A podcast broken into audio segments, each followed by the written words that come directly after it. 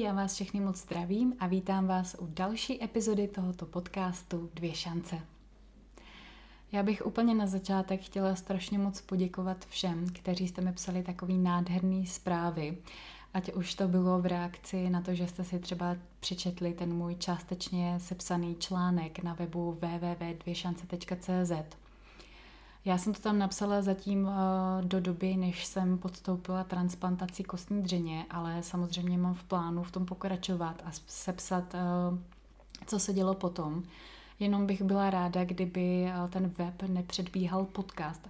Chtěla bych, aby tady ty platformy běžely tak nějak současně, aby si každý vybral to, co mu více vyhovuje, protože někdo radši čte, někdo zase radši poslouchá. Takže určitě to mám v plánu jenom musíte chviličku počkat.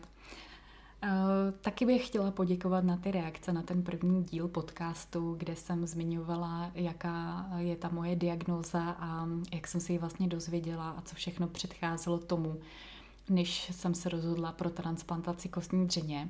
Psali jste mi, že mám příjemný a uklidňující hlas, což mě strašně moc potěšilo, protože já jsem nikdy před žádným publikem, pokud se to teda netýkalo školy, nikdy nemluvila, takže eh, i tady toho jsem se trošičku obávala, ale přesvědčili jste mě, abych tom pokračovala dál. Každopádně moc děkuju. Přišlo mi i spousta zpráv od mých kamarádů, kamarádek, ale i známých třeba, kteří vůbec nevěděli, že se něco takového děje a že jsem nemocná.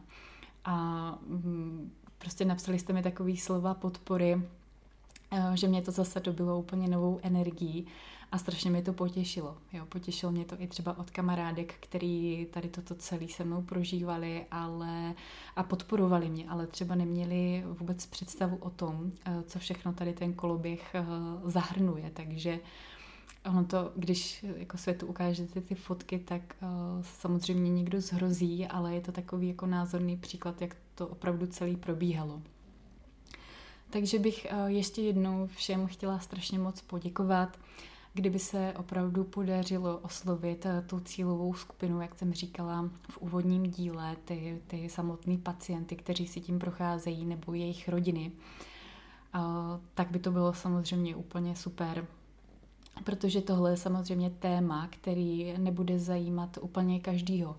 Já to vnímám na těch sociálních sítích, když prostě chceme vidět jenom to hezký ale o tom ten život taky úplně není, že jo. Já jsem taky do, do svých 27 let eh, nebyla vůbec nemocná, neměla jsem nic zlomeného a pak to prostě přišlo jako rána z čistého nebe. A zastávám ten názor, že stát se to může opravdu každému, že nikdo nevíme, jak eh, vlastně nám ten život bude pokračovat, jestli se něco takového nemůže stát, i když samozřejmě nechci síčkovat. Tak uh, my jsme se měli naučit tady těm věcem trošičku předcházet.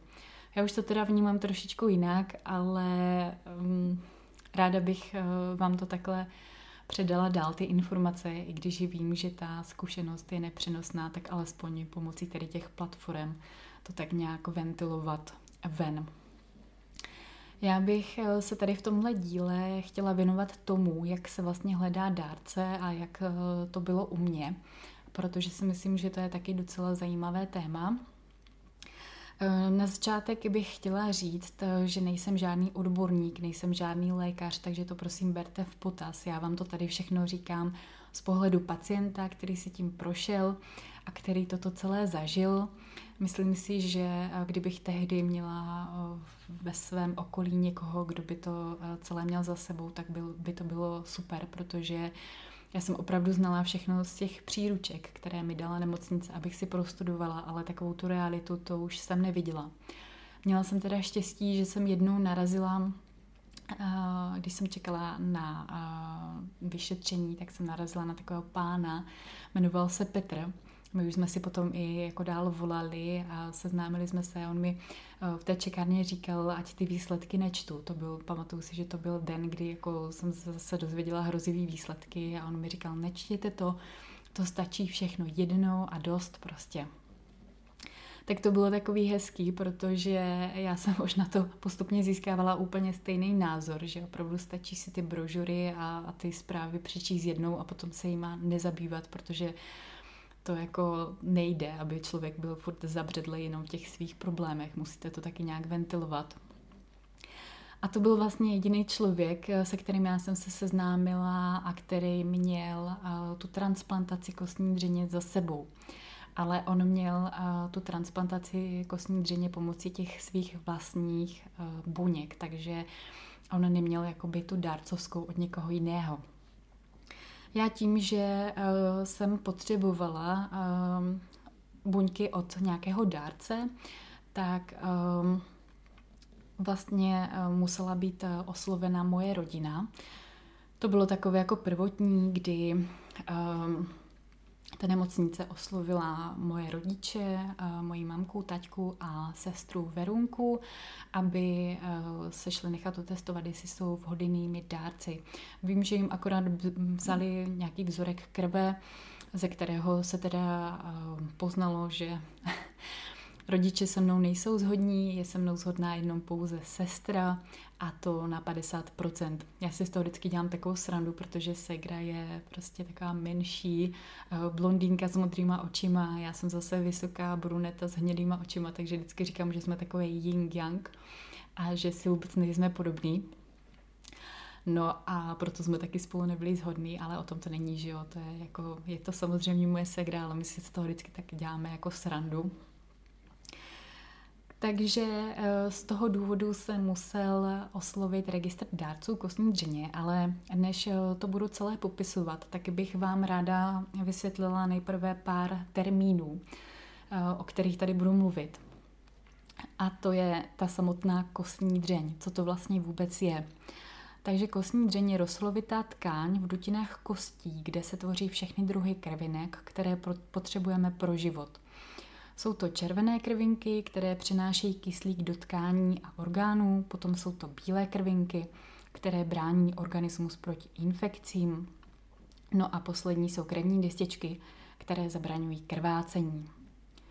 Další pojem, eh, se kterým budu tady operovat v uvozovkách, jsou krvetvorné buňky. Ty jsou vlastně nejdůležitější součástí kostní dřeně, protože se dokáží přetvořit a vyvinout do všech potřebných typů krvinek. A to právě těch bílých, červených, ale i krevních destiček. Za normálních okolností sídlí tekmenové buňky především v kostní dření, kde podle aktuálních potřeb organismu tvoří potřebné krvinky. V krvi koluje kmenových buněk jen minimální množství, Zdravý organismus má těch kmenových buněk ale velký nadbytek. Většina z nich v klidovém nebo takovém spícím stavu běžně nepracuje a fungují jen takzvaně do rezervy. Pokud je ale třeba, dokáží se velmi rychle namnožit, dokonce tak, že se z té kostní dřeně vyplaví a ocitají se v nadbytku i v krevním oběhu. Takže toto jsou takové uh, dva termíny nebo názvy, které bych tady uh, potřebovala vysvětlit, aby jsme vůbec věděli, o čem se bavíme. Takže jakmile uh, se vlastně zjistilo to, že moje sestra je zhodná jenom na 50%, tak nemocnice oslovila okamžitě registr dárců kostní dřeně, kdy my máme u nás v Česku dva ty registry.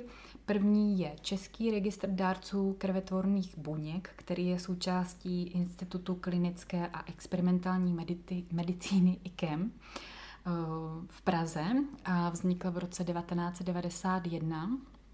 No a druhý je Český národní registr dárců dřeně a má své působiště v Plzni. Vznikl zhruba rok později než ten eh, první registr. Vy vlastně, když se rozhodnete, že byste rádi darovali kostní dřeň nebo se zapsali do registru dárců kostní dřeně, tak se můžete rozhodnout, většinou je to samozřejmě podle místa bydliště, do kterého toho registru se zapíšete a jste potom jakoby dostupní pro ty pacienty jak v České republice, tak eh, i v zahraničí. Já jsem měla takové onemocnění, kdy vlastně stačilo darovat ty uh, krvetvorné buňky, nemuselo být uh, vyloženě darování té kostní dřeně. Pan doktor říkal, že tady tohle by mělo stačit pro to moje onemocnění, takže uh, teď bych vám asi popsala něco o tom, uh, jak pokračovalo to hledání dárce v tom mém samotném příběhu. Protože je to takový jako docela, docela zajímavý téma.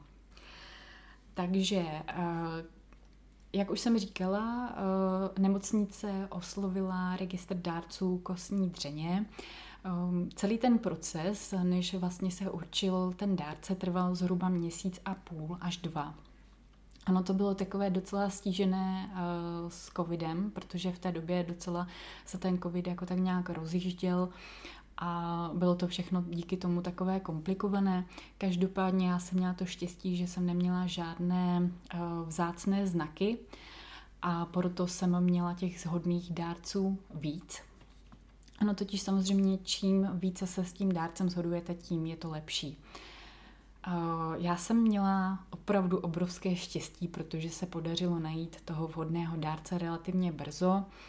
Já si myslím, že nějakou prvotní informaci jsem mohla mít třeba do 14 dnů. Věděla jsem, že nejvhodnější dárce je z Německa a že se se mnou shoduje na 100%, což je úplně jako ta nejvyšší nebo nejlepší možná varianta. No a potom jsem věděla, že jsou to třeba nějací jako další dárci z Česka, kteří se taky shodovali na 100%, ale z nějakého důvodu prostě vybrali toho dárce německého. Takže eh, vlastně mm, tady toto jednání probíhalo nějakou dobu. Tam bylo složitější to, jak jsem říkala, že tam do hry vstoupil covid a já jsem vlastně vůbec nevěděla, kdy tu transplantaci podstoupím, protože jednak eh, se mi stalo, že mě třeba v uvozovkách eh, předběhli pacienti, kteří na tom byli hůř, kteří prostě měli nějakou akutní formu onemocnění, takže eh, prostě na mě nezbylo místo v té nemocnici, protože je to oddělení, které má jenom pár lůžek na celý tady kraj, takže prostě ten můj termín transplantace se tak nějak pořád posouval a díky tomu se ani nevědělo, jestli teda budou moci oslovit toho dárce německého nebo toho českého, protože vlivem koronaviru došlo vlastně k zavření hranic a když se tady toto stalo, tak mě pan doktor říkal, že teda budou muset oslovit toho českého dárce, No a najednou jsem přišla za týden a bylo to zase úplně jinak, protože hranice se pro tady ty lékařské účely otevřely, takže zase se pracovalo s tou variantou, že budu mít dárce německého. Ono to bylo takový jako docela vypjatý tady ty situace, kdy se vám to neustále mění a ty data nástupu do nemocnice na tu transplantaci se posouvají, takže já už jsem z toho byla taková fakt zoufalá, protože jsem měla strach, že tam ani jako nedojdu. Já jsem do nemocnice nastupovala s jednou krevní destičkou, takže už jsem se docela bála o svůj život, protože, jak jsem psala v článku, a možná jsem to říkala i v tom podcastu, zdravý člověk jich má 150 až 400. A já jsem se dostala do stádia, kdy jsem měla jednu destičku, když jsem nastupovala do nemocnice, takže si asi dokážete představit, jak jsem se cítila. No prostě bylo to strašný. Každopádně hranice se otevřely a já jsem měla jistotu v uvozovkách, že teda budu mít toho svého německého dárce. V uvozovkách říkám proto, protože ono je sice super, že se ten dárce najde, ale problém může nastat ve chvíli, kdy ho ten registr osloví protože ten dárce třeba může eh, prodělávat nějakou nemoc nebo třeba nebude zdravotně způsobilý, aby mohl ty buňky darovat. Taky se může stát, že to odmítne, takže je tam takových více faktorů, které můžou nastat. Já jsem samozřejmě, eh, jak víte, už transplantaci podstoupila, takže jsem měla to štěstí, že všechno v tomhle smyslu proběhlo v pořádku, že se dárce našel, že s tím souhlasil. Bohužel jediný, co mě úplně nejvíc štve, je to, že já vlastně nevím, kdo to je. Já neznám jeho jméno, neznám jeho adresu, já znám jenom jeho datum narození. Viděla jsem v lékařské zprávě, kolik váží a to je vlastně všechno. Jinak o něm vůbec nic nevím. Celé je to takto anonymní a to z toho důvodu, že pokud by se ta transplantace nepovedla, tak eh, aby prostě ten dárce eh, z toho neměl nějaký, když to řeknu takhle blbě, asi trauma, nebo jak to říct. Prostě eh, je tady na to uvoleno takové embargo, což samozřejmě z pohledu toho dárce to chápu, ale zase z pohledu toho člověka, který je nemocný, tak eh, vy jste samozřejmě vděční, neskutečně vděční tomu člověku, který vás vůbec nezná a který vám věnuje nebo daruje ty svoje buňky. Takže když jsem se potom zpětně ptala pana doktora, eh, kdy toho dárce budu moc kontaktovat, tak mi řekl, že nejdříve za pět let že je možnost uh, napsat třeba dopis a přes ten registr dárců kostní dřeně uh, ten dopis poslat tomu uh, dárci, ale ten registr rozhodne o tom, jestli mu vůbec ten dopis předá, případně jestli ten dárce třeba napíše nějakou odpověď, tak zase ten registr rozhoduje o tom, jestli se k vám ta odpověď vůbec dostane, protože oni zkoumají, jestli už se v takovém jakoby stádiu, kdy už je to všechno bezpečně za vámi, a jste zdraví, jo, takže ono jako má to své pro a proti, ale chápu, z jakého důvodu je to takto nastaveno. Bohužel ne všechny případy končí, eh, končí dobře, no. Já jsem si tady nachystala pár takových informací o tom, co je potřeba splnit eh, v případě, že se třeba rozhodujete, že byste se nechali zapsat do registru dárců kostní dřeně. A potom tady mám nachystané nějaké zajímavosti. Takže eh, co je potřeba? Vy si nejprve musíte najít eh, nejbližší odběrové místo, eh, kam se půjdete zaregistrovat. V České republice jsou rozseté jakoby po celé republice jich hned několik, takže si určitě vyberete to nejbližší podle svého bydliště.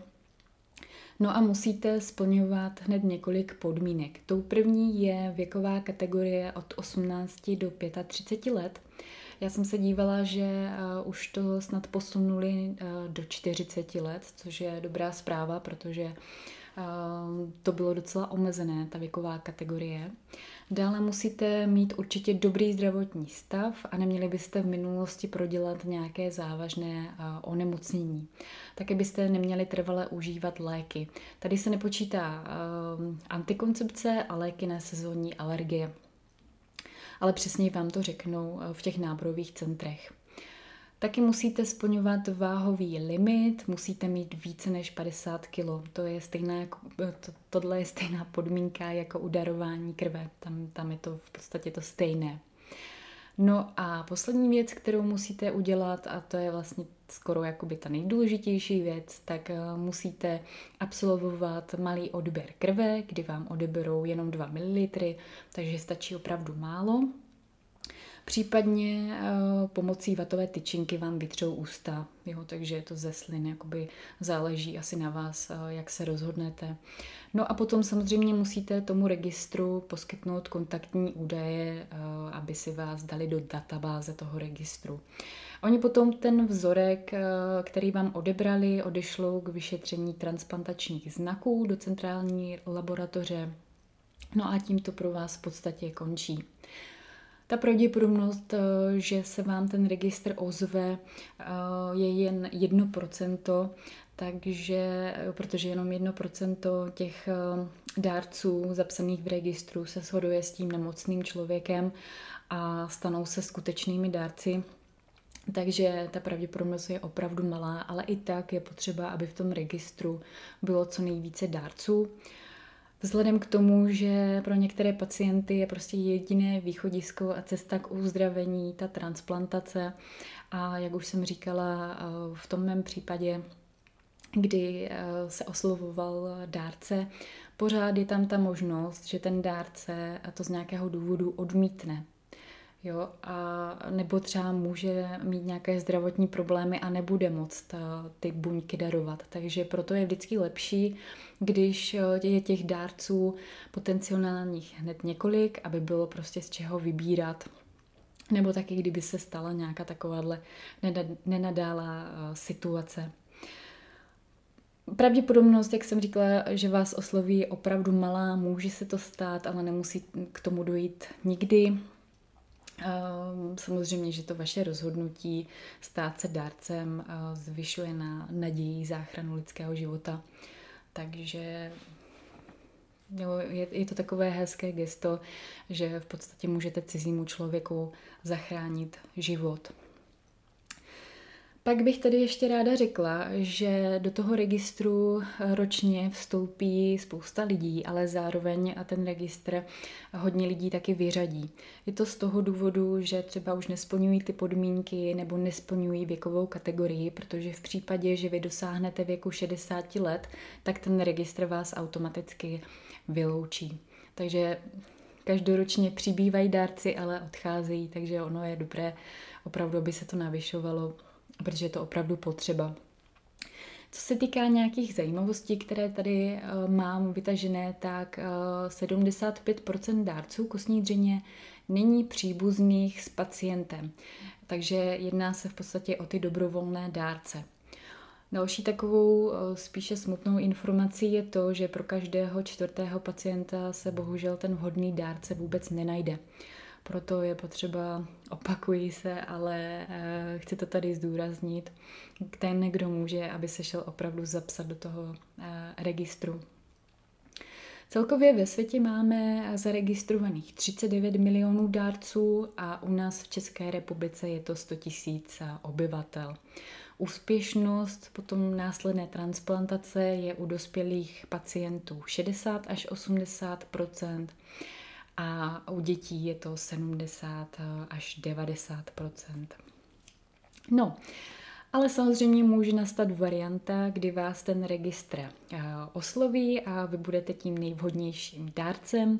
V takovém případě by se vám ozvali samotní pracovníci toho registru Eh, ty krvetvorné buňky, které, které lékaři potřebují, se mohou darovat dvěma způsoby a vy jako dárce máte tu možnost, že si můžete zvolit, eh, kterým způsobem si to necháte odebrat. Eh, můžete si to nechat odebrat buď klasicky v narkóze z kostí pánevní nebo pomocí separátoru, který je vlastně vyfiltruje z krve. Můžete si to představit, jako když třeba někdo chodí darovat plazmu. Je to takové docela jako podobné, akorát ten proces je celkem zdlouhavý, takže pro někoho to nemusí být komfortní, protože vy musíte být jenom v té jedné určité poloze, ale záleží to na vás. Já vím, že mi tehdy pan doktor říkal, že mě budou stačit ty krvetvorné buňky, takže já si myslím, že ten, ten můj darce podstoupil to odebrání pomocí toho separátoru. Co se týká potom samotného způsobu, jak se ty krvetvorné buňky dostanou k tomu pacientovi, tak převáží je vyškolený kurýr, to znamená, že ten dárce nikam necestuje. Jo? Takže to je taky taková a zajímavá informace. Oni jsou hluboce zamražené a ta nemocnice je potom rozmrazí. O tom vám budu vykládat později, jak to vlastně celé probíhalo. Vy se bohužel eh, nedozvíte, pro koho je ta vaše dřeň určena, protože ta vzájemná identita mezi tím dárcem a příjemcem je eh, přísně utajena, je na to uvalené takové embargo. Vy můžete dostat akorát eh, nějakou obecnou informaci, například pohlaví nebo přibližný věk, ale to je v podstatě všechno.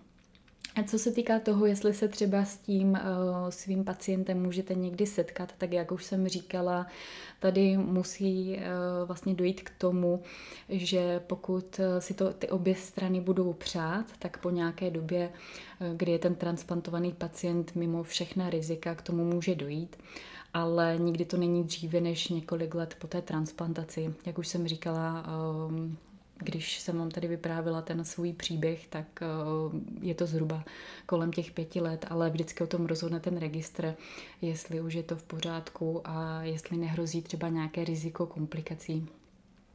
Takže tohle je takové mm, nemoc pozitivní, protože vy tomu dárci určitě chcete poděkovat, že vám zachránil život. V podstatě je to pro vás úplně cizí člověk, který se takto rozhodl a vy mu nemůžete po určitou dobu ani poděkovat.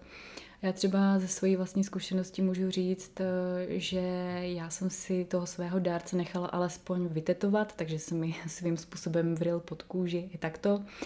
Eh, nechala jsem si vytetovat eh, jeho datum narození a nad tím mám taková andělská křídla, protože pro mě to symbolizuje právě to, že on je ten můj anděl, který mi zachránil život. A takhle já si ho vlastně neustále připomínám i když denně se setkávám s tím, že myslím na to, že jsem dostala druhou šanci na život, ale tohle mi přišlo takové jako to jsou v podstatě jediné informace, které já o něm vím, to datum narození. Takže, takže tak. Tak eh, já se na vás budu těšit v další epizodě. Moc vám děkuji za pozornost a zatím se mějte krásně. Tak pa.